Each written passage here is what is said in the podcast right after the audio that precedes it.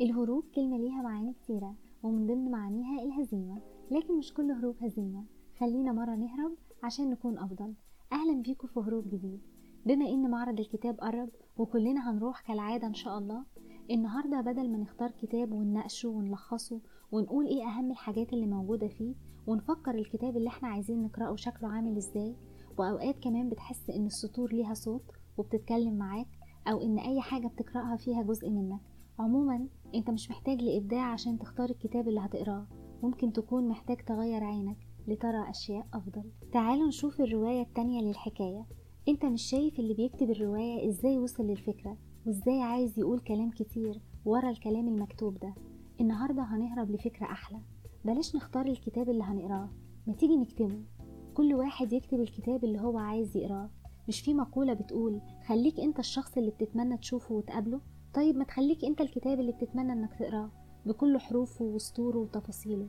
حتى لو فكرت ان الناس ممكن ما يعجبهاش الكتاب بتاعك مش مهم. المهم انك قلت اللي عايز تقوله وبيعبر عنك.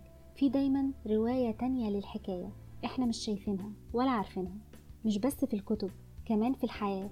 انت مش شايف سبب ربنا انه ما يديش ليك الحاجة اللي انت عايزها في الوقت اللي انت عايزه. مش مهم تعرف ليه بس خلي عندك يقين ان اللي عند ربنا أحلى بكتير من اللي أنت عايزه. بس اوعى يكون ده تفكيرك أو جملة بتقولها لمجرد إنك مش عايز تتعب أو توصل لفرصة أنت شايفها مناسبة ليك. قبل ما تبدأ في الكتاب ما تفكرش مين هيقراه. فكر بس إنك لازم تكون مبسوط وأنت بتقراه. تفتكروا ممكن أول سطر في الحكاية يكون إيه؟ يكون مثلا يفوز كل مغامر ويموت من يخشى العواقب؟ ولا ممكن نقول إذا لم يكن في العالم ما يستحق أن تفرح من أجله فتأكد إنه لا يوجد أيضا ما يستحق أن تحزن من أجله. مش مهم أول سطر ولا جملة البداية ولا المقدمة. مش مهم تبدأ منين أو تكتب إيه في الأول أو تكتبه إزاي. حتى لو كل السطور كانت شخبطة خليك متأكد إن في دايما صفحة جديدة هتبدأها هتكون أحلى من كل الصفحات اللي فاتت. حتى لو ما كانتش أحلى مش مهم. في حد هتعجبه الشخبطة دي وهيحاول يرتبها ويقراها. عارف لما تكون عايز تكتب حاجة بس مش عارف تكتبها؟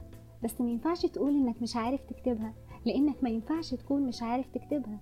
هو ده اللي إحنا بنفكر فيه بنفس اللخبطة دي. لكن مش مهم. أوقات بنكون بنفكر في حاجة بس لما نيجي نكتب الفكرة ما نعرفش نكتبها.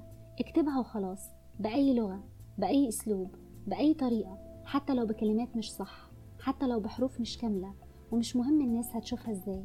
المهم انت لما ترجع تقراها تعرف كنت عايز تقول إيه وتفرح لما تقراها تاني. لو حسيت في أي وقت إن الكتاب بقى ممل أو إنك خايف تقلب الصفحة وتبدأ صفحة جديدة افتكر إن إذا ركبت القطار الخطأ حاول أن تنزل في أول محطة لأن كلما زادت المسافة زادت تكلفة العودة.